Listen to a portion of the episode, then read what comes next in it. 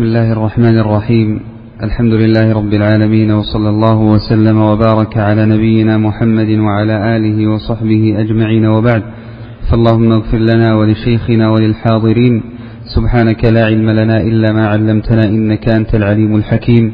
قال الشيخ العلامة عبد الرحمن بن ناصر السعدي رحمه الله تعالى في كتابه منهج السالكين وتوضيح الفقه في الدين. كتاب الحج ويجتنب المحرم وقت إحرامه حلق الشعر وتقليم الأظفار ولبس المخيط إن كان رجلا وتغطية رأسه إن كان رجلا والطيب رجلا وامرأة. وكذا يحرم على المحرم قتل صيد البر الوحشي المأكول والدلالة عليه والإعانة على قتله. وأعظم محظورات الإحرام الجماع لأنه مغلظ تحريمه مفسد للنسك موجب لفدية بدنه. وأما فدية الأذى إذا غطى رأسه أو لبس المخيط أو غطت المرأة وجهها أو لبست القفازين أو استعمل الطيب فيخير بين صيام ثلاثة أيام أو إطعام ستة مساكين أو ذبح شاة.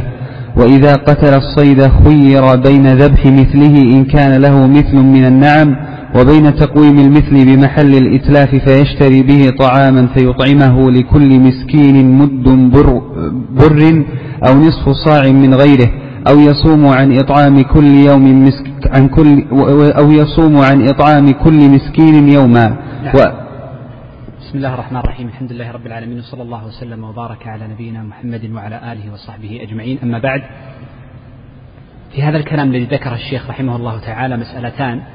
فإنه تكلم أولا عن محظورات الإحرام ثم أعقب ذلك بالحديث عن الدماء. فنبدأ أولا بأولى المسألتين وهي محظورات الإحرام. وهذه المحظورات أعني محظورات الإحرام. يجتنبها المحرم. وهذه المحظورات واضح؟ نعم. وهذه المحظورات محظورات الإحرام. يجتنبها المحرم سواء كان معتمرا أو حاجا ولا فرق. وذكر الشيخ رحمه الله تعالى منها سبعة ومن أهل العلم من يزيد ثامنا وتاسعا وسنتكلم عن هذه الزيادات أين تدخل من هذه المحظورات السبعة التي ذكرها الشيخ رحمه الله تعالى؟ أول هذه المحظورات وهو حلق الشعر وحلق الشعر باتفاق أهل العلم أنه من محظورات الإحرام. والمراد بالشعر كل شعر الجسد سواء كان مما يشرع إزالته أو مما لا يشرع إزالته. فالذي يشرع إزالته كشعر الرأس وشعر والشعر الذي أمر النبي صلى الله عليه وسلم بإزالته وعده من الفطرة. وما لا يشرع إزالته كشعر اللحية والنمص ونحو ذلك. فمن أزال شيئا من شعر الجسد عموما ففيه الفدية ويكون قد فعل محظورا من محظورات الإحرام. إذا ما يتعلق بالشعر مسألتنا الأولى فيه أن الشعر يشمل شعر الرأس وشعر الجسد معا.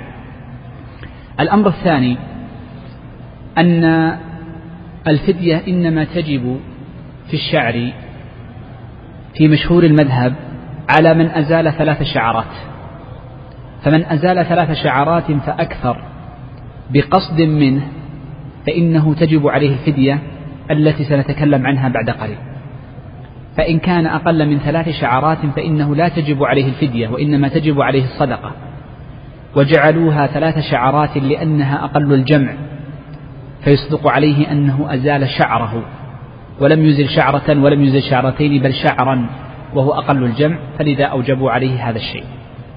والصحيح وهو مفهوم من كلام الشيخ تقي الدين عليه رحمة الله أن الفدية لا تجب في إزالة الشعر إلا أن يحصل به الترفه إلا أن يحصل به الترفه.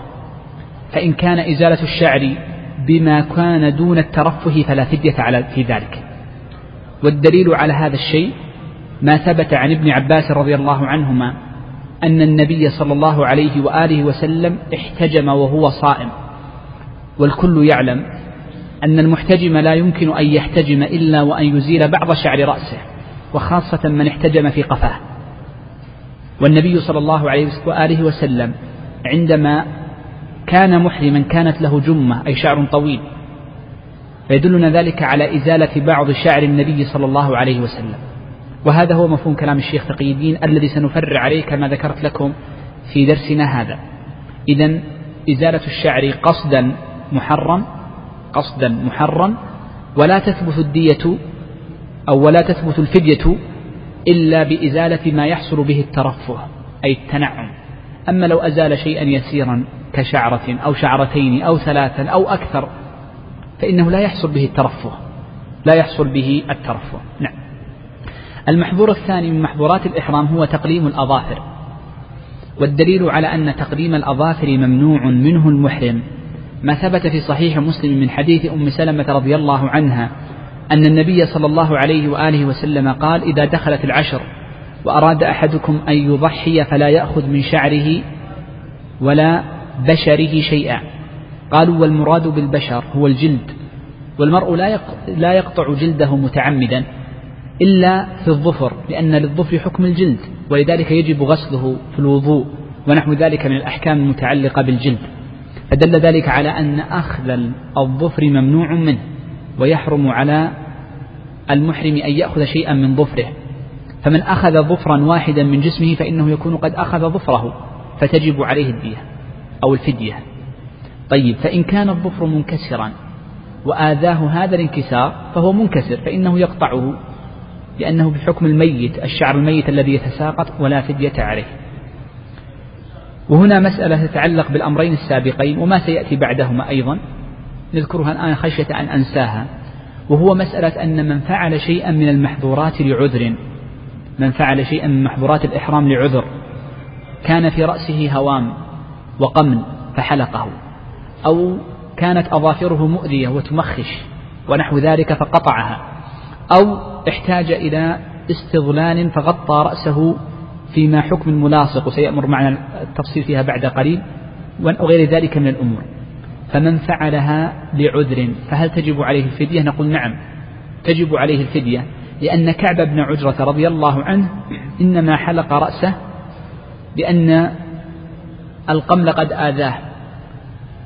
لأن القمل قد آذاه وهو عذر يجيز له فعل ذلك فيسقط عنه فيسقط عنه العذر الإثم دون الفدية فيسقط العذر عنه الإثم دون الفدية هذا الأمر الأول وهو ماذا؟ وهو ماذا؟ فعلها لعذر الأمر الثاني من فعل شيئا من محظورات الإحرام نسيانا نسي فقص شعره أو نسي فأقلم أظافره أو غطى رأسه ونحو ذلك من المحظورات. فهل تجب عليه الفدية أم لا؟ الصحيح الذي اختاره الشيخ تقي الدين أن الناسي لا فدية عليه سواء كان المحظور مما يستهلك وفيه إتلاف أو مما لا إتلاف فيه ما فيه إتلاف كقص الشعر وحلقه أيضا وقط وتقليم الأظافر فإنه يكون إتلافا وما لا إتلاف فيه كالتطيب ولبس المخيط ونحو ذلك. إذا لعذر يسقط الإثم دون الفدية وأما النسيان فإنه يسقط الإثم ويسقط الفدية معا. يسقط الإثم والفدية معا. طيب. آه، الأمر الثالث من محظورات الإحرام قال ولبس المخيط. وقد ذكرت لكم أن التعبير بلبس المخيط لم يرد عن نبينا صلى الله عليه وآله وسلم وأعلى من ورد عنه هذا التعبير إنما هو إبراهيم النخعي عليه رحمة الله. وهذا من إبراهيم إنما هو من باب تخريج المناط في الأحاديث التي وردت عن النبي صلى الله عليه وسلم في النهي عن لبس القميص والخفاف ونحو ذلك والسراويل ونحو والخفاف ونحو ذلك فأراد أن يجعل لها مناطا فجعله ما يسمى بالمخيط. ومن أهل العلم من قال إنما المراد المحيط. ومن أهل العلم من قال إنما هو المفصل. وأظن أننا تكلمنا عن هذه المناطات الثلاث ورجحنا ما هو الراجح منها وإنما هو المفصل. أن الراجح هو المفصل وهو مفهوم كلام الشيخ أيضا تقي الدين أنه إنما يحرم على المسلم إذا كان محرما بحج أو عمرة إنما يحرم عليه المفصل. ومثال المفصل القميص فهو مفصل فيه الكم فصل موضع عضوا كاملا. والسروال مفصل لماذا؟ للقدمين أو الرجلين معا. والإزار مفصل أو محيط أو مخيط. من قال بالمحيط فإنه يكون محيطا. هنا إشكال. ومن قال بالمخيط فإنه لو خيط لم تنع منه. ومن قال بالمفصل فليس بمفصل لأن هذا اللبس ولا يمكن أن تستر العورة إلا به.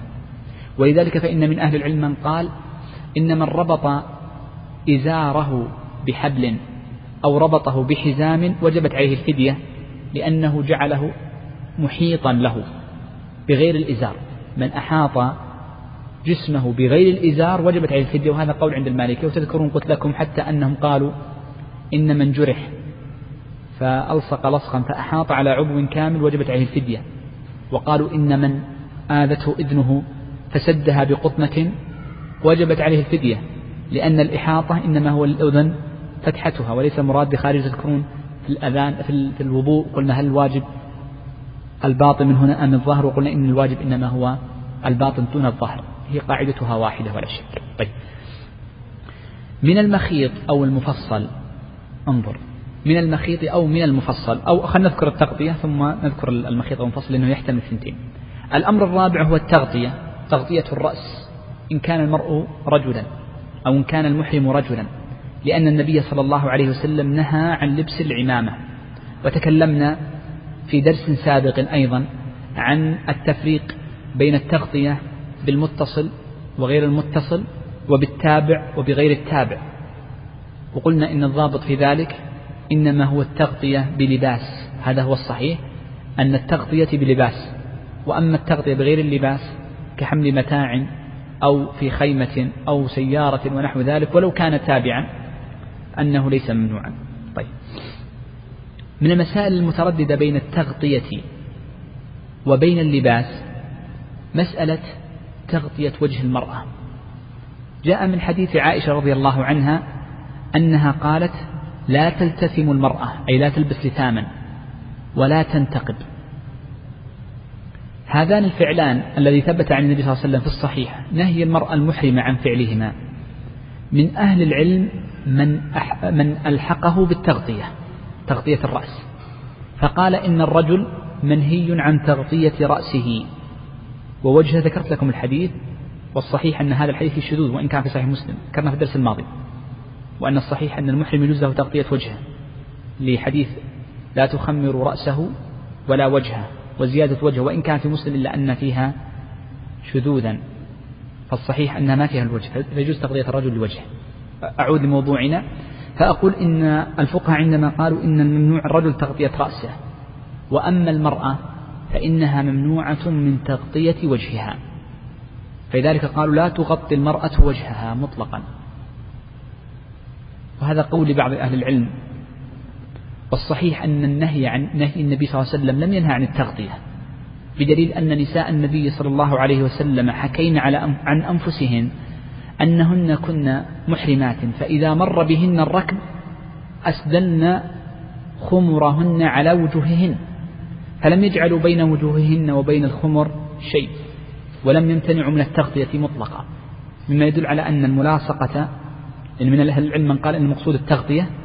طيب التغطية بملاصق. فلا بد أن يكون الخمار بعيدا عن الوجه لا يلاصق. فلذلك لا تعجب عندما ترى من الحجيج والمعتمرين إذا لبست المرأة وهذا رأينا في مكة تلبس القبعة الطويلة. ثم تجعل الخمار خلفها. لماذا؟ لأن من أهل العلم من يرى أن الملاصقة في الخمار على نفس الملاصقة الرأس. والصحيح أنها كل هذا جائز. وإنما نهى النبي صلى الله عليه وآله وسلم عن النقاب وعن اللسان لأنها مفصلة فهي داخلة في الأمر الثالث وهو لبس المفصل لأن النقاب مفصل على الوجه ليخرج العينين واللثام أيضا مفصل على الوجه وفي حكمهما البرقع ونحو ذلك. إذا إنما النهي عن المفصل وليس النهي عن التغطية. وليس النهي عن التغطية. ومثله يقال في القفاز. فإن عائشة رضي الله عنها في الحديث نفسه قالت ولا تلبس القفاز. هل المقصود من القفاز التغطية؟ لا ليس المقصود من القفاز التغطية. وإنما قصد منه ماذا؟ المفصل. فلا تلبس المرأة في يديها قفازات مفصلة على يدها. بينما لو أدخلت يدها في عباءتها لقلنا إنه جائز. بإجماع أهل العلم إنه جائز فيما أظن. ولذلك فنقول إن نهي النبي صلى الله عليه وسلم عن هذه الأمور الثلاثة في حديث عائشة إنما هو من باب المفصل وليس من باب التغطية وبذلك يتضح الإشكال الذي وقع فيه بعض أهل العلم رحمه الله تعالى. طيب. الأمر الخامس قال والطيب رجلا كان أو امرأة. الطيب من محظورات الإحرام. ولكن المسائل المتعلقة بالطيب كثيرة جدا. نأخذ أهمها لقصر درس اليوم من أهم المسائل المتعلقة بالطيب أن المراد بالطيب المنهي عنه إنما هو التطيب وأما شم الطيب فليس داخل لو شم امرؤ طيبا فلا يكون قد فعل محظورا. نعم من أهل العلم من كره شم الطيب شمه شم كره شم الطيب. لما؟ قال لأنه المقصود من الحاج الترفه لكن لو شمه من غير قصد. كما لو كان في الحرم وهو معتمر فطيبت الكعبة بمجمرة أي بمبخرة. فإن شمه له لا يمنعه ولا يجب عليه فدية. إذا الأمر الأول أن المقصود إنما هو التطيب دون الشم. الأمر الثاني أن المقصود بالتطيب بعد الإحرام. وأما ما كان من طيب قبل الإحرام وأما ما كان من طيب قبل الإحرام فإنه يكون ملحقا بالزمان الأول فالعبرة بالطيب في وقت الوضع التطيب. وقت إيش؟ وضع الطيب. ولذلك فإن عائشة رضي الله عنها قالت طيبت النبي صلى الله عليه وآله وسلم لحل لإحرامه ولحله. فالطيب إذا وضع وقت الإحرام قطعا سيبقى في البدن في المفرق كما فعل النبي صلى الله عليه وسلم وفي الجسد ونحو ذلك. فدل على أن الطيب إذا كان قبل الإحرام واستمر بعد الإحرام أنه ليس منهي عنه وإنما المنهي أن تتطيب وتمس الطيب بعد الإحرام. طيب على قاعدتنا هذه انظر هذه مسألة ولا أريد أن نكثر المسائل. إحنا قلنا أن المقصود بالتطيب ماذا؟ المنهي عنه التطيب بعد الإحرام. طيب لو أن امرأ امرأ وضع الطيب على ثوبه قبل الإحرام ثوب الإحرام. هل يكون متطيب قبل الإحرام أم بعده؟ قبل الإحرام. فهل نقول إن فعله هذا صحيح أم لا؟ سم؟ سم؟ فعله خاطئ. لما؟ أول شيء بالحديث النبي صلى الله عليه وسلم ما, ما تطيب. نستدل بفعل النبي صلى الله عليه وسلم أنه لو كان سنة لطيبه النبي صلى الله عليه وسلم وما فعل عليه الصلاة والسلام. طيب. انظروا. أول شيء طبعا خلينا نمشي بها بالترتيب. نقول أولا أول شيء أنه ليس بالسنة تطيب الثوب. بل إن تطيب الثوب قد يؤدي إلى المنع. لما؟ لأن هذا الثوب سيمس بدنك. أليس كذلك؟ سيمس البدن. فإذا مس البدن معناه أنك تطيبت بعد بعد الإحرام. جاء طيب جديد لبدنك. فذلك كأنك تطيبت منه. فلذلك نقول الأولى ألا يطيب الثوب. انظر لأن الفقهاء وإن تعجب من رأيهم هذا اللي سأذكره لك لكنه دقيق جدا لأن رأي الفقهاء منضبط. الفقهاء إذا ذكروا قاعدة تنضبط تمام الانضباط. يقول الفقهاء إن من طيب ثوبه رداءه لذا كان فإنه ما عليه فدية. فإن سقط رداؤه عنه. سقط رداؤه. وجب عليه غسل غسله. فإن لم يغسله ولبسه مرة ثانية وجبت عليه الفدية. كيف؟ ما تطيب. واحد طيب ثوبه قبل الإحرام ومشى وأحرم. لبيك اللهم عمره. ثم سقط رداؤه. ثم لبسه قال عليك فدية. ما رأيكم؟ لا ليس لهذا. من برا ما بعد جاء إلى الآن. لماذا وجبت الفدية؟ قبل أن ينوي فيقوم ما عليه ما عليه فدية. طيب سقط ثم لبسه هذا المذهب. طب هم يقولون إن لبسك الإحرام مرة أخرى بعد سقوطه كأنك لبست ثوبا مطيبا كأنك تطيبت مرة ثانية. كأنك تطيبت مرة ثانية. وضحت المسألة؟ كأنك تطيبت كأنك خلعت هذا الرداء ولبست رداء آخر مطيبا كأنك لبست طيب جديد. فهذا هو مأخذهم في قاعدتهم والصحيح أننا نقول أن المسلم لا يطيب ثوبه مطلقا لا رداءه ولا إزارة. فإنها خلاف سنة النبي صلى الله عليه وسلم. فإنها خلاف سنة. وإن طيبها وإن طيبها فنقول إن طيبها فنقول ليس عليك دم. ليس عليك فدية طبعا لأنها على التخيير ليس عليك فدية. إلا أن تكون قد طيبتها بعد الإحرام. إلا أن تكون قد طيبتها بعد الإحرام. طيب. المسألة الثانية في الطيب. الطيب الذي قلنا يحرم على المحرم. إنما هو ماذا؟ ال ما هي الجملة التي قلتها؟ ذكروني. قلت ال التطيب. التطيب. طيب. وليس الشم. لو أن امرأ أكل طيبا. فهل عليه فدية أم لا؟ أولا كيف يأكل الطيب؟ طبعا الكحول هذا مضر سبب لك السكتة الدموية هم يسمونها كيف يأكل الطيب؟ كيف يأكل الطيب؟ سم شيخ. نعم. من الطيب ما يؤكل كالزعفران. فمن شرب قهوة مزعفرة هو شرب طيب لأن العرب تستخدم الزعفران لثلاثة أشياء. تستخدمه طيبا طيب فيه. ويستخدمونه طعاما وهو للمترفين فقط. ويستخدمونه صبغا يصبغون به الثياب. ولذلك فإن المحدة لا تلبس ثوب فإن المحدة لا تلبس ثوبا فيه زعفران. والنبي صلى الله عليه وسلم لما قال المحرم لا يمس ثوبا مسه ورس أو زعفران هنا لأجل أنه طيب وهناك لأجل أنه لون زينة أصفر جميل.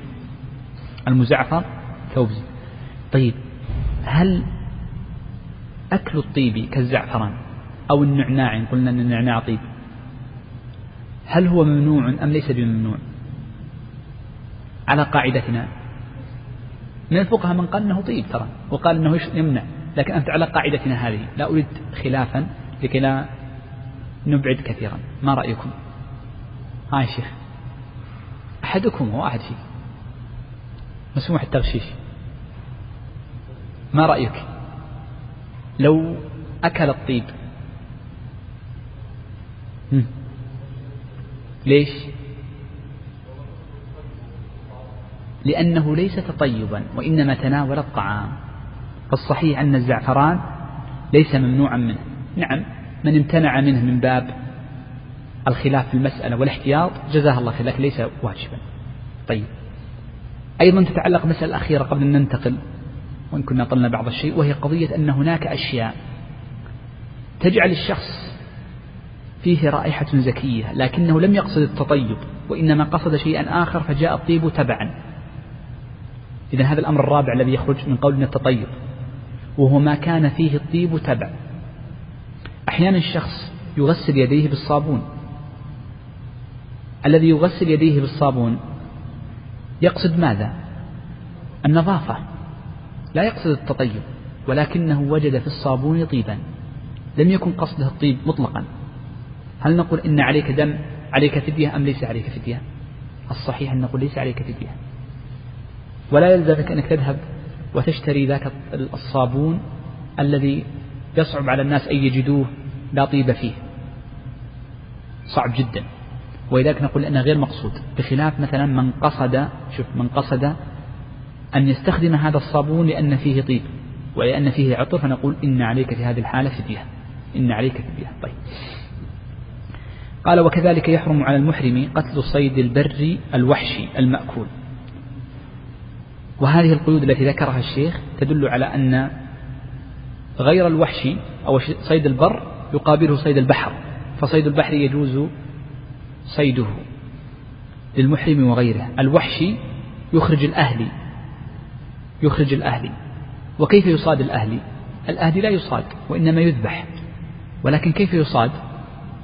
عندما يند يكون مع الشخص بعير فيند فربما يرمي عليه سهما أو يرمي عليه رصاصا. فهنا يند عنه فحكم حكم الصيد.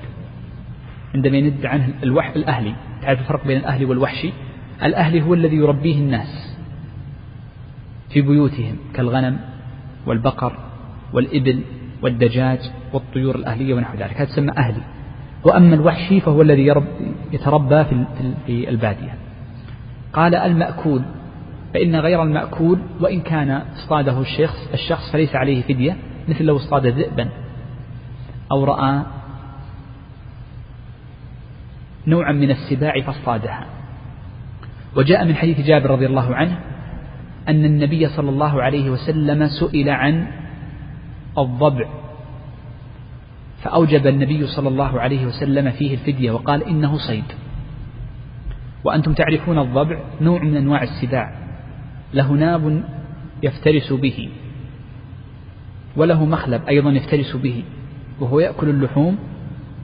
ومع ذلك جاء في حديث جابر في الصحيح أنه صيد مما يدل على أن فيه الفدية وهو مأكول. فكل صيد يسمى مأكول. فدل ذلك على جواز أكل لحم الضبع. فإنه يجوز أكل لحم الضبع. والعرب إنما تأكله في الغالب للتداوي لا تأكله يعني من باب الطعام وإنما للتداوي أو عند الحاجة. وما عدا ذلك فإنهم لا يأكلونه.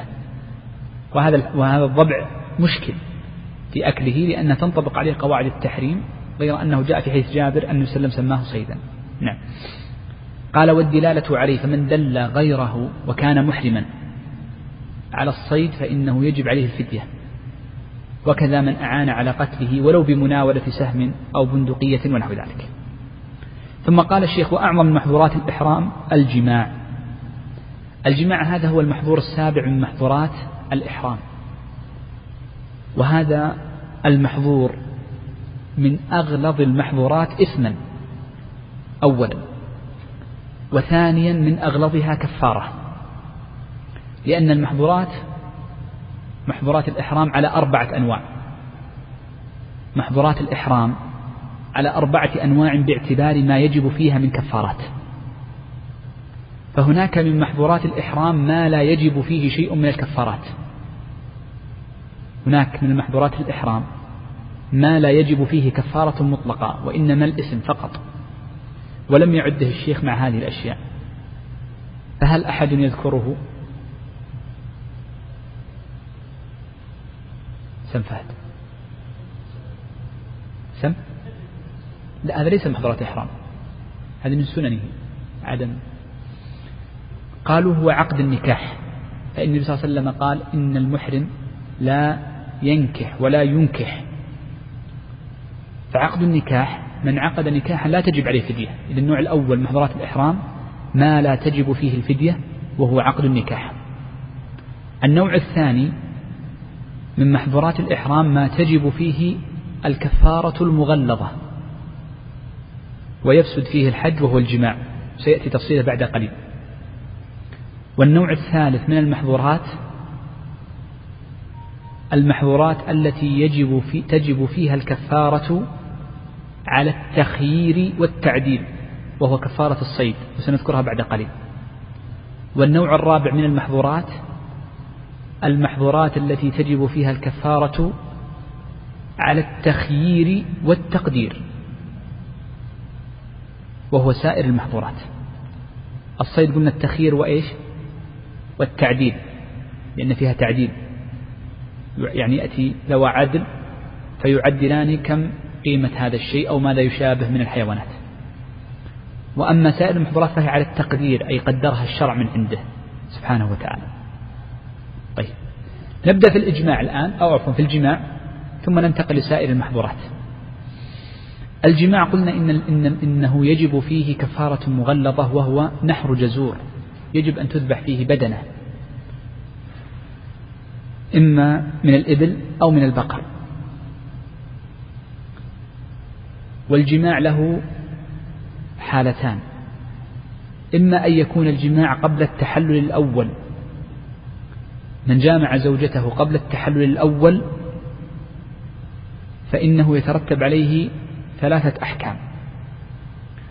الحكم الأول أنه تجب عليه فدية أو فدية مغلظة وهو ذبح جزور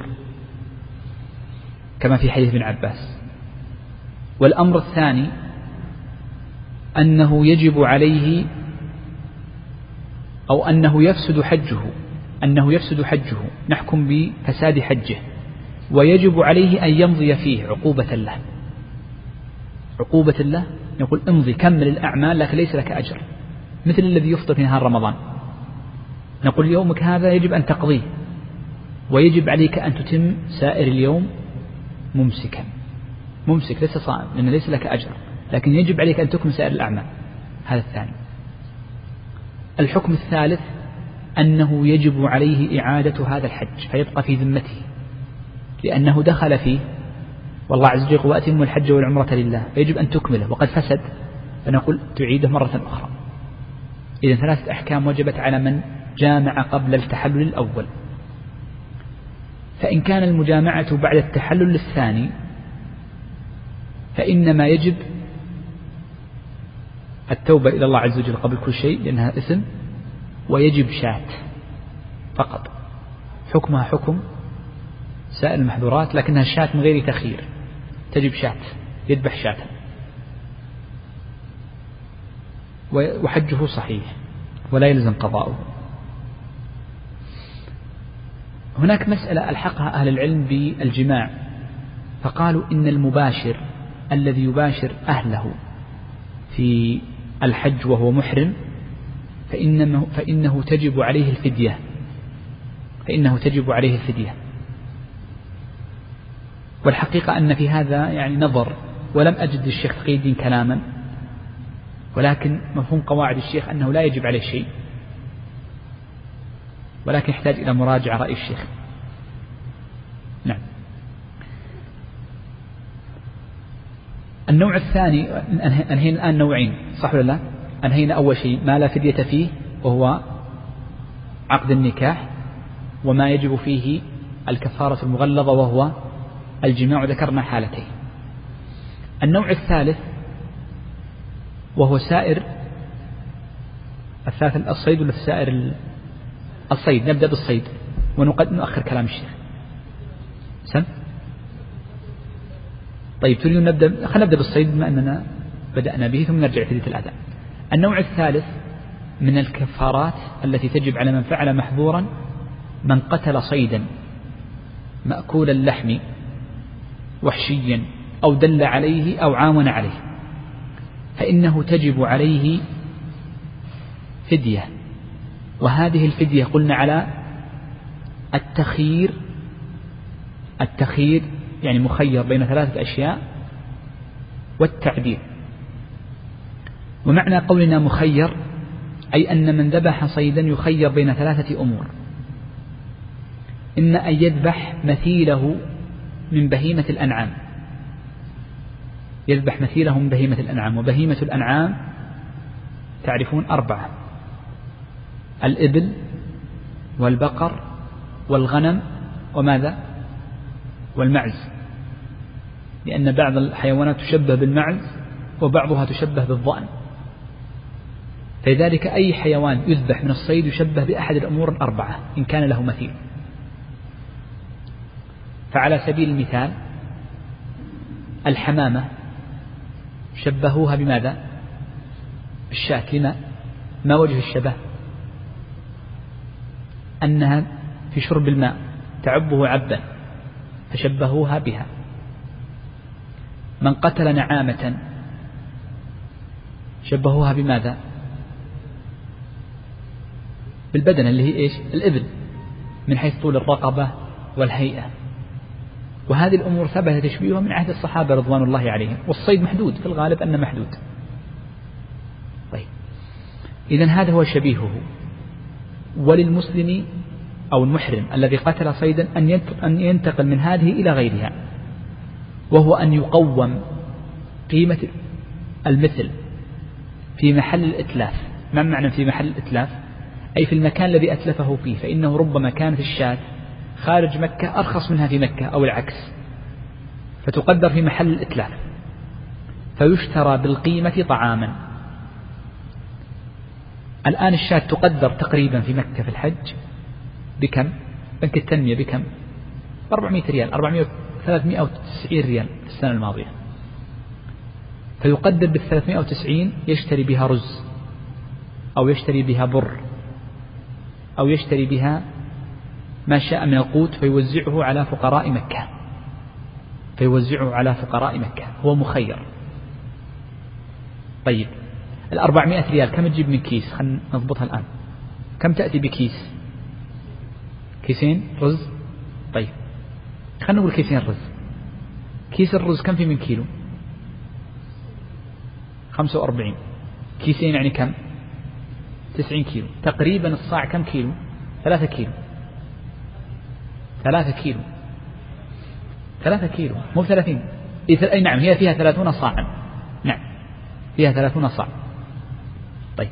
يعني إذا إما أن يشتري بها ثلاثين صاعا من الرز أو أن يذبح شاة. أو يخير بعد ذلك الأمر الثالث أنه بدل ما يتصدق بكيسين رز بدل ما يتصدق بكيسين رز يقسمها على عدد الآصع. كم عدد آصعها؟ ثلاثين صاع. ويصوم عن كل صاع يومين. يصوم عن كل صاع يومين. فيصوم ستين يوما. فهو مخير إما أن يذبح شاة أو يشتري كيسين رز بقيمة الشاة أو يصوم ستين يوم. كيف جبنا ستين يوم؟ عن كل ثلاثة كيلو تقريبا عن كل كيلو ونص تقريبا إيش؟ يوم. لأن نصف الصاع كيلو ونص طيب لو كان عليه بدنة البدنة كم قيمتها؟ في السوق. نقول خمسة آلاف ريال. نقول خمسة آلاف ريال. خمسة آلاف ريال. هذه كم تعادل من كيس رز؟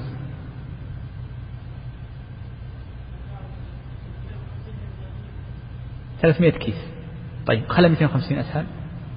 طيب 200 وخ... خلى 300 أحسن في الحساب نضعيه في الحساب إذا قلنا 300 كيس رز أكيد 300 كيس رز؟ لا يا شيخ. 5000 ريال. قسمة 100 كيس رز 100 ولا 200 خلوها 100 أحسن في الحساب. 200 خلها 100 ريال. 25 كيس؟ مضبوط خلاص. إذا 25 كيس. أحسنت أحسنت. إذا فيها 25 كيس. طيب 25 كيس كم فيها من كيلو؟ في 45 أنا بأخبطكم في الحساب اليوم. 25 في 45 كم يا شيخ؟ 425 ألف؟ ألف. ومئة وخمسة وعشرين. وقلنا إن عن كل كيلو نصف يوم قسمة واحد ونص. كم تطلع يا شيخ؟ لا ما تجي يا شيخ. ألف ومية تو. قسمة واحد ونص. أن ضربتها في واحد ونص. لا ما تجي. معك آلة حاسبة؟ ضاع علينا الوقت لكن معلش. معك آلة حاسبة؟ اضرب خمسة وأربعين في خمسة وعشرين.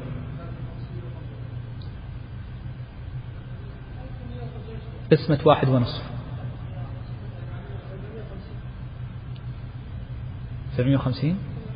إذا يصوم سبعمائة وخمسين يوما. يصوم سبعمائة وخمسين يوما. طيب لو جاء شخص خلنا نقول حيلة لو جاء شخص قال ما أبغى أخرج رز سوف أخرج شيء أغلى لكي تقل الأيام. قال سوف أشتري مثلا ذرة الذرة غالية أريد أن أتصدق بذرة أو تمر التمر أغلى علشان تقول الأيام. نقول يجوز ولا ما يجوز؟ يجوز ولا ما يجوز؟ ما رأيكم؟ يجوز. لو أراد أن يشتري بدل الرز والرز رخيص. يعني سوف أخذه عدله صياما. لا أريد أن أصوم. أريد أن أشتري بهذا المبلغ لخمسة آلاف تمر والتمر غالي مثلا أو ذرة والذرة غالية لكي أعدلها بالآصع فأصوم بدلها أيام فتكون أقل. نقول يجوز ذلك. يجوز ذلك. لكن لا تشتري البر. لما لا تشتري البر؟ لأن البر كل الأطعمة تصوم عن كل مدين يوما إلا البر. فإنه عن كل يوم عن كل مد يوم. فلو أن بالخمسة ألاف اشترى بر فإن بدل ما يصوم 750 يوم يصوم 1500 يوم. طبعا هذا لا يتصور. ونادرا ما يكون هذا الشيء لكن هذا يكون باب العجز. لكن هكذا ذكر الفقهاء. طيب. وضحت المسألة الآن؟ واضح المسألة؟ جيد. الحمد لله. تفضل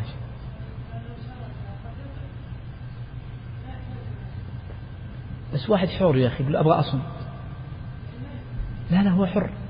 إما أن يذبح أو يطعم أو يصوم يختار الأسهل عليه من باب التخيير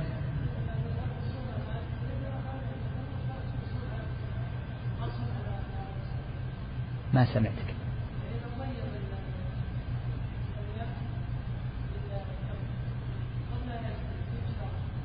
بدون شراء أي بدون شراء تقيم بدون شراء وقيم على طول مباشرة. يجوز. يجوز ما في أي إشكال. إلا البر فإنه يزيد الأيام. عرفت كيف؟ طيب. طيب. تفضل شيخ. قال رحمه الله وأما دم المتعة والقران فيجب فيهما ما يجزئ في الأضحية فإن لم يجد صام عشرة أيام ثلاثة في الحج ويجوز أن يصوم أيام التشريق عنها وسبعة إذا رجع. وكذلك حكم من ترك واجبا أو وجبت عليه الفدية لمباشرة وكل هدي أو إطعام يتعلق بحرم أو إحرام فلمساكين الحرم من مقيم وأفقي ويجزئ الصوم, بك ويجزئ الصوم بكل مكان. ودم النسك كالمتعة والقران والهدي المستحب يؤكل منه ويهدي يأكل منه ويهدي ويتصدق. والدم الواجب لفعل المحظور أو ترك الواجب ويسمى دم جبران لا يأكل منه شيئا. بل يتصدق بجميعه لأنه يجري مجرى الكفارات. نعم. آه، بقي عندنا المسألة الثانية وهي مسألة فدية الأذى لأن تجاوزناها قبل قليل نمر عليها بسرعة. فدية الأذى هي على التخيير على التخيير والتقدير. فعلى التخيير من فعل شيئا من محظورات الإحرام غير الصيد وغير الجماع فإنه يكون مخيرا بين ثلاثة أيام بين ثلاثة أصناف كما قال الله عز وجل ففدية من صيام أو صدقة أو نسك.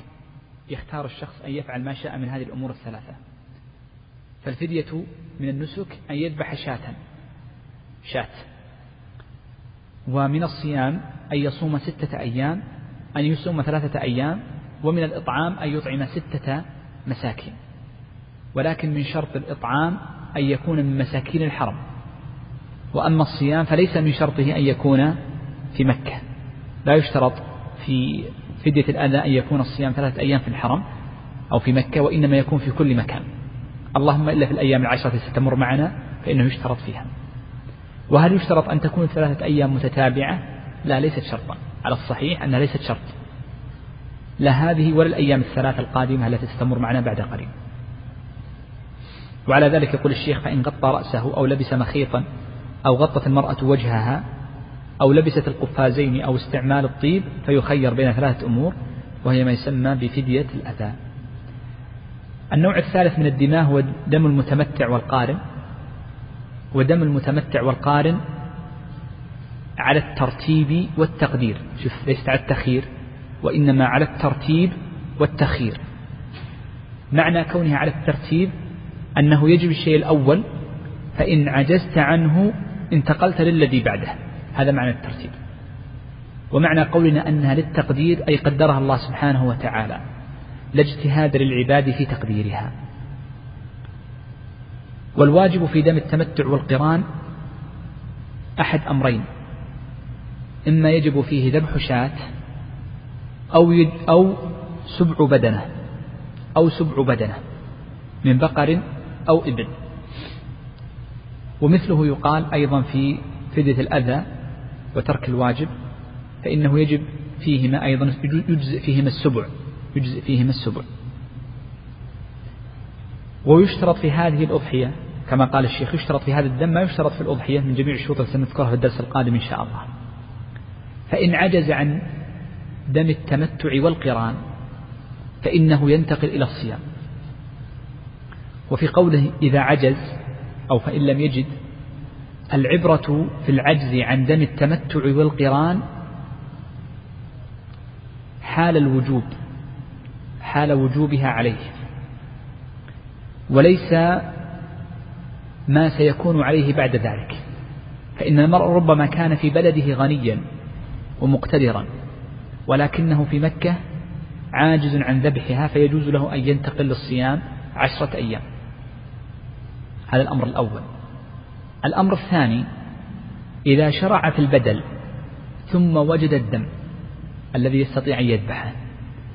بدأ الشخص في صيام عشرة أيام ولما بدأ في الصيام جاءه شخص فقال خذ هذه أربعمائة ريال قيمة دم التمتع والقران. فهل يستمر في صيامه؟ نقول نعم يستمر لأنه الآن بدأ فيه وهذه العشرة كأنها جزء واحد فكأنه انتقل إلى البدل. كأنه الآن يعني بدأ في الذبح فنقول هنا لا يلزمه أن يرجع لدم التمتع والقران. يجوز له أن يقطع صيامه ويذبح الشاة إن كان في وقتها يعني قبل انتهاء أيام التشريق.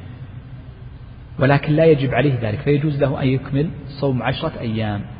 أي إذا شرع في الصيام فإنه يبدأ. طيب هذه العشرة أيام قسمها الله عز وجل في كتابه إلى قسمين.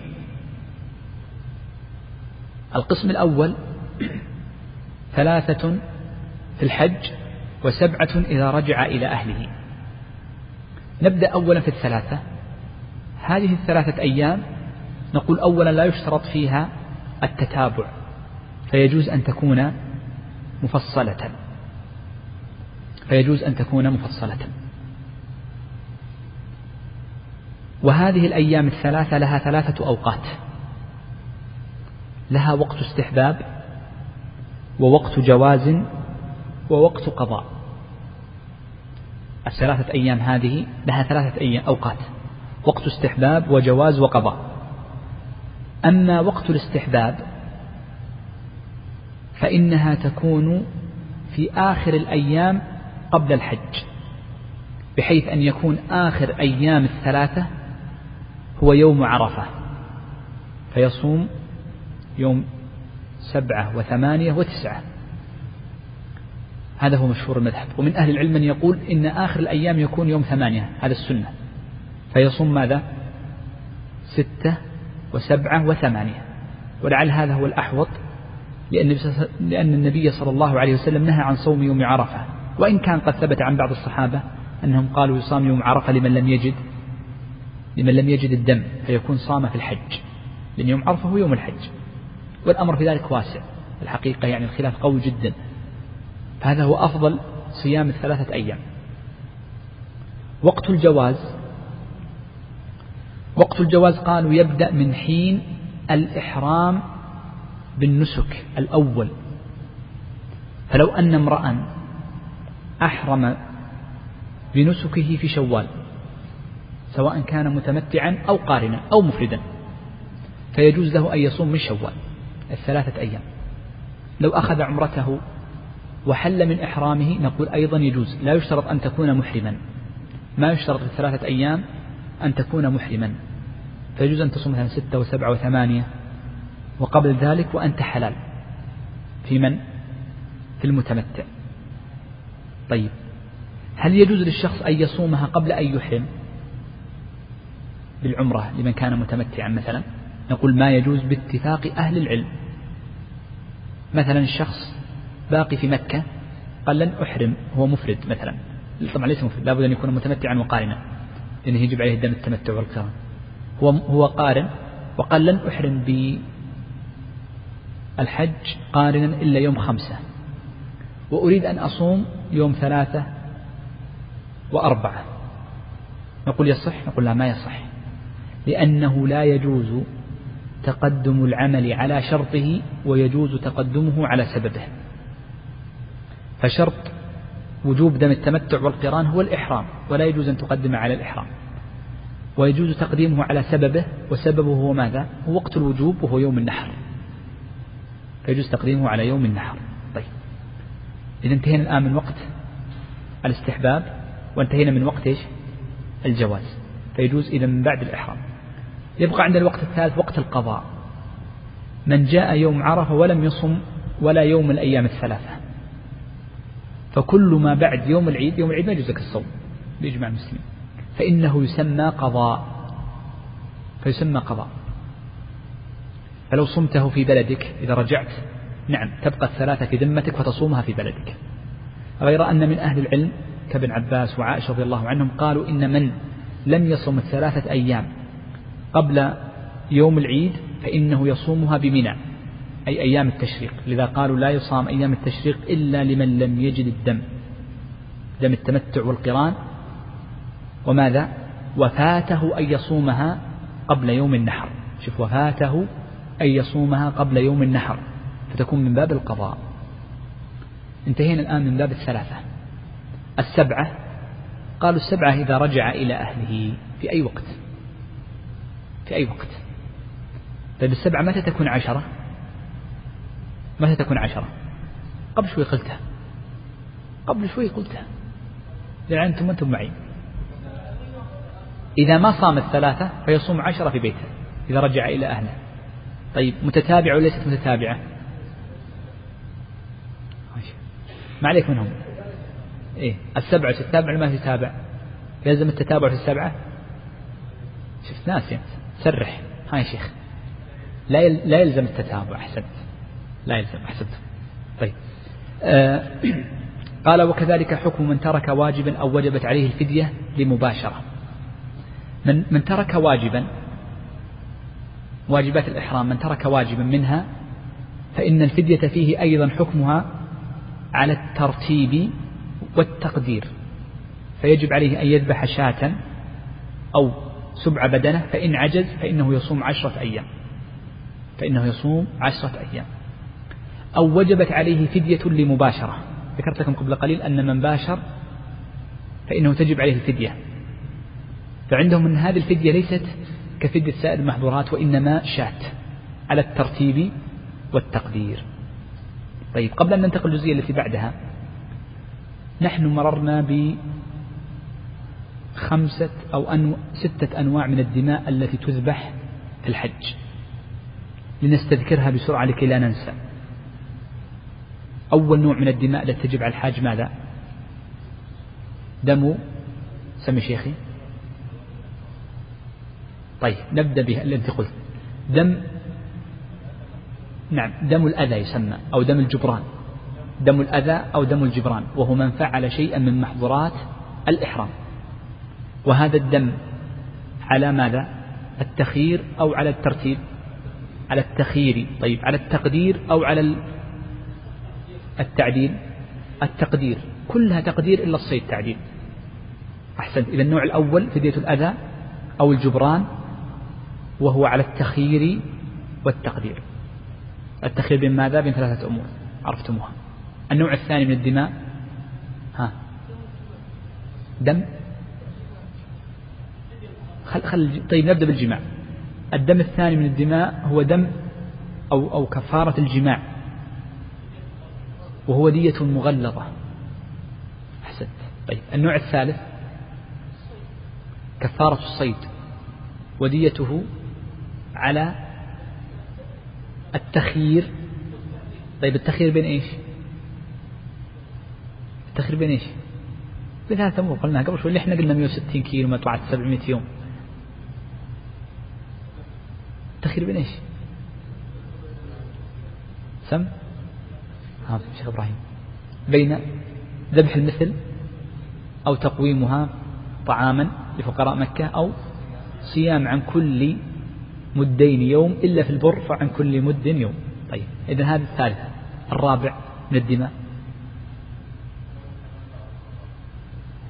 خلينا نذكر واحد من نتكلم عن الأذى في نوع من الأذى أفرده الشيخ. دم المباشرة. المباشرة. والمباشرة مباشرة يعني من باشر امرأته دون الوضع والمباشرة هو الوحيد من الدماء المحظورات الإحرام الذي هو على الترتيب. على الترتيب. فيجب فيه شاة فإن لم يستطع فصيام عشرة أيام. إنها تتعلق بالمحظور إذن هذه أربعة. الخامس دم إيش؟ التمتع والقران صفته أول شيء التخيير والترتيب ترتيب وتقدير هي ما في إشكال أنها تقدير. السادس أو السابع. هذه التمتع والقران انتهينا باقي واحد. نعم شيخ.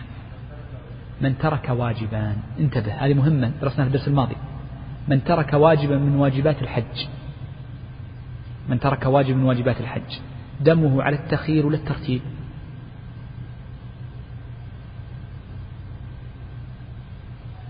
قبل شوي تكلمين عنه. سم؟ على الترتيب الواجب. انتبه كثير من الناس يخطئ بين الفدية وبين ترك الواجب. الواجب على الترتيب. أول شيء ماذا؟ شات. فصيام. طبعا باقي دم الهدي هدي الإحصار. تكلمنا عنه قبل فيكون الثامن. طيب. الآن سنتكلم بسرعة عن قضية ما الذي يجب في هذه الدماء إذا ذبحت؟ يقول الشيخ أو خلينا نذكر القاعدة ثم نذكر كلام الشيخ. أولا الدماء الأصل التي في الحج أنها تذبح في مكة هذا الأصل. يجب أنها تذبح في الحرم. ما نقول مكة؟ لقول الله عز وجل هديا بالغ الكعبة. هذا الأصل. الأصل أن كل دم وجب في الحج يجب أن يذبح في مكة. ونقصد بمكة هنا الحرم. فقد تكون مكة أصغر كما في الزمان الأول أصغر من الحرم. وقد تكون أكبر كما الآن الآن مكة تجاوزت الحرم. فنقول يجب أن تذبح الدماء في الحرم لقول الله عز وجل هديا بالغ الكعبة. ويستثنى من ذلك الدم الواجب في الإحصار فإنه يذبح في المكان الذي حدث فيه الإحصار. والدم أيضا واجب في الصيد. هل يذبح في المكان ذبح الصيد ولا يذبح في مكة؟ لا. وإنما يقدر بقيمته في المكان في محله. انتبه. لأن أظن بعض الناس فهم خلال ذلك. لأن الله عز وجل قال في الصيد هديا بالغ الكعبة. إذا يجب أن يذبح في مكة. الصيد يجب أن يذبح في مكة. إذا لا يستثنى من الذبح في مكة إلا هدي إيش؟ هدي المحصر فقط. طيب. الأمر الثاني أنه يجب أن يوزع على فقراء مكة. الأصل أن الدماء توزع على فقراء مكة أي لحمها. ولا يجوز للشخص أن يأكل منها أو ينقل منها شيئا إلا في دم التمتع والقران. إلا في دم التمتع والقران. أما الدماء الواجبة الثانية فكلها لا يأكل منها المسلم شيء أو أو الحاج شيء. وأما دم التمتع والقران فيجوز له أن يأكلها ويجوز أنه ينقلها معه.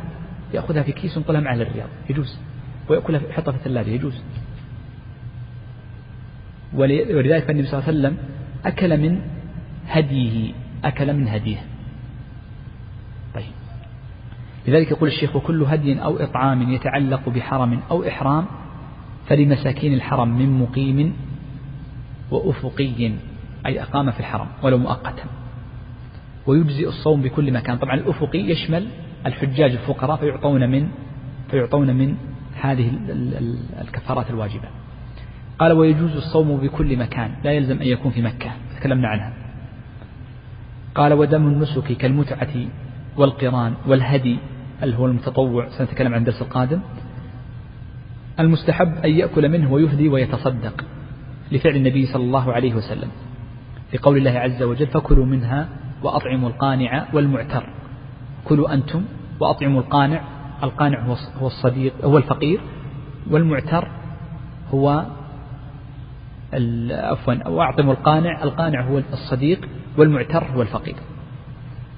يقول الشيخ والدم الواجب لفعل المحظور أو ترك الواجب ويسمى دم جبران لا يأكل منه شيئا بل يتصدق بجميعه لأنه يجري مجرى الكفارات. نعم.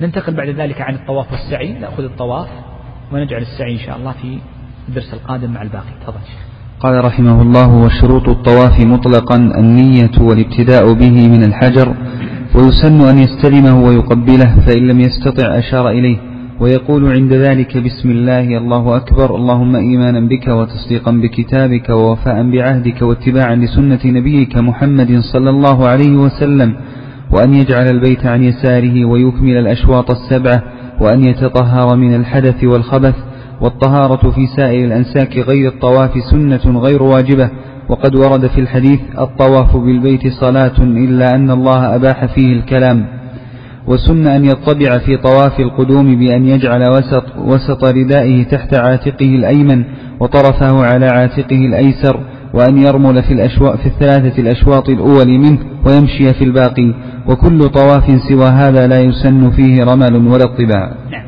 شرع الشيخ رحمه الله تعالى في ذكر الطواف بدأ بشرائطه ثم بدأ ذكر سننه. فبدأ أولا بشرائطه فقال لا بد فيه من النية فمن طاف من غير نية فإنه لا يصح طوافه. ومثال من يطوف من غير نية من ركب على عربية مثلا ثم كان وكان نائما ثم ثم دفع بهذه العربية في الأشواط كلها فنقول إن طوافك غير صحيح. لماذا؟ لأنك لم تنوي الطواف. إضافة إلى أنه قد انتقض وضوءه بهذا الفعل. كذلك الأمر الثاني أنه لا بد من ابتداء الطواف من الحجر وأعني بالحجر هنا الحجر الأسود وهو أحد الركنين اليمانيين للكعبة. فلا يصح الطواف إلا به لابتداء النبي صلى الله عليه وآله وسلم به.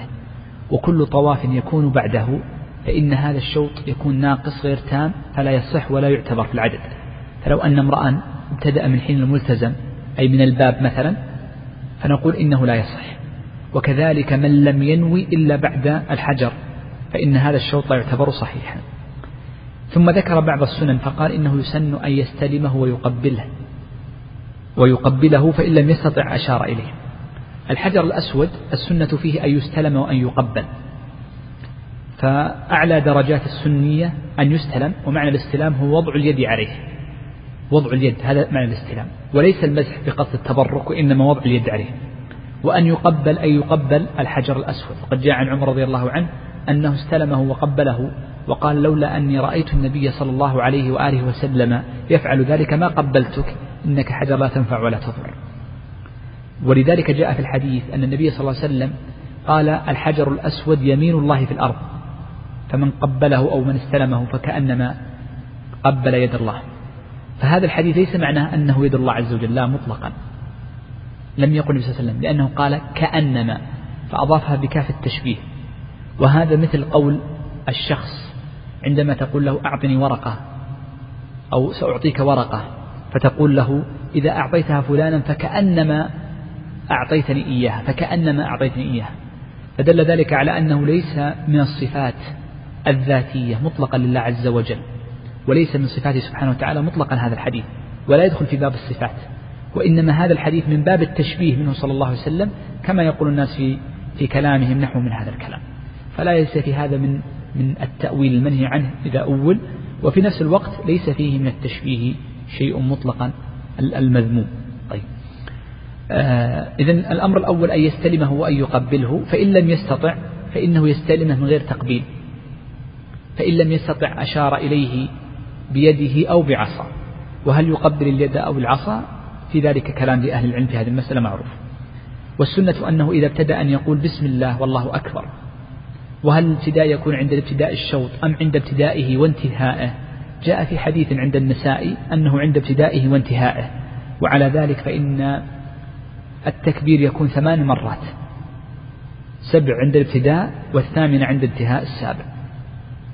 ثم ذكر قال يقول اللهم إيمانا بك وتصديقا بكتابك ووفاء بعهدك واتباعا لسنة نبيك هذا الدعاء ذكر الفقهاء أنه يقال في هذا المقام أي عند الابتداء. ويجب من شروط الطواف أن يجعل البيت عن يساره فإن جعله عن يمينه ما صح طوافه. وكذا لو استقبل البيت بوجهه لو استقبل البيت بوجهه في الطواف ما صح طوافه. هذا إن كان قاصدا. وأما إن لم يكن قاصدا كأن يكون الحال حال اشتداد الزحام. حال اشتداد الزحام ومن يعرف الزحام فإنه في الطواف ربما يمشي بضعة أمتار ووجهه متجه إلى البيت وليس يساره إلى البيت. فنقول إنه عند شدة الازدحام أو عند النسيان كأن يكلم كأن يكلم صاحبا له أو يلتفت من غير أمر من غير قصد من فنقول إن طوافه هنا صحيح. وإنما المقصود الجهة آه، فيما يتعلق في استقبال البيت الفقهاء قالوا يستحب والمذهب أنه يجب عند ابتداء الشوط أن يستقبل الحجر الأسود بوجهه والصحيح أنه ليس بواجب وإنما هو سنة لأنه قال يستقبله كاستقبال القبلة.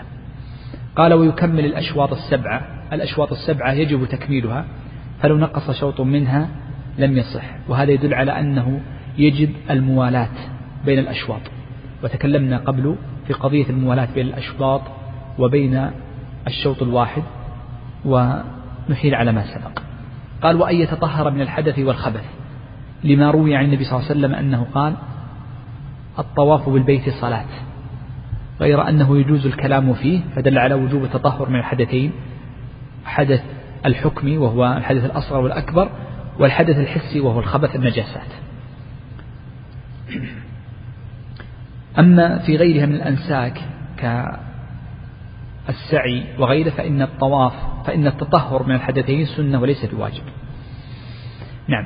قال وسنة أن يطبع في طواف القدوم والاطباع هو أن يجعل وسط ردائه تحت عاتقه الأيمن وطرف وطرفه الآخر على عاتقه الأيسر بحيث يخرج عضد عضد الطائف سواء كان حاجا أو معتمرا يخرج عضده ويكون طرف الثوب تحت عاتقه. وهذه هي السنة إنما يسن في طواف القدوم فقط دون ما عداه من الطواف. فلو أن حاجا جاء في في اليوم العاشر ليطوف طواف الإفاضة. فهل يطبع أم لا يطبع؟ نقول لا يطبع لأنه ليس طواف قدوم. القدوم إنما يكون في أول أفعال الأنساك. فمن ترك طواف القدوم إذا جاء نقول سقط عنه فما يكون الطواف في اليوم العاشر طواف قدوم مطلقا. لأن طواف أنت أتيت قبله بأفعال أتيت بالوقوف بعرفة والمبيت مزدلفة. فلا بد أن يكون القدوم أي أول أفعال الأنساك. نعم. قال وأن يرمل في الأشواط الثلاثة منه. أيضا في طواف القدوم. منه أي في طواف القدوم. فالرمل إنما يشرع في طواف القدوم دون ما عداه. وذكرنا قبل أن المراد بالرمل هو مسارعة الخطى مع تقاربها. والنبي صلى الله عليه وآله وسلم عندما رمل في طوافه وفي سعيه بين العلمين كان إزاره يدور من شدة رمله عليه الصلاة والسلام ومن فعل ذلك علم هذه الهيئة في إزاره. قال الشيخ وكل طواف سوى هذا أي طواف القدوم لا يسن فيه رمل ولا اطباع لعدم وروده عن النبي صلى الله عليه وآله وسلم. بذلك ينتهي درس اليوم. أسأل الله عز وجل للجميع التوفيق والسداد وأن يرزقنا العلم النافع والعمل الصالح وأن يتولانا بهداه. وصلى الله وسلم على نبينا محمد.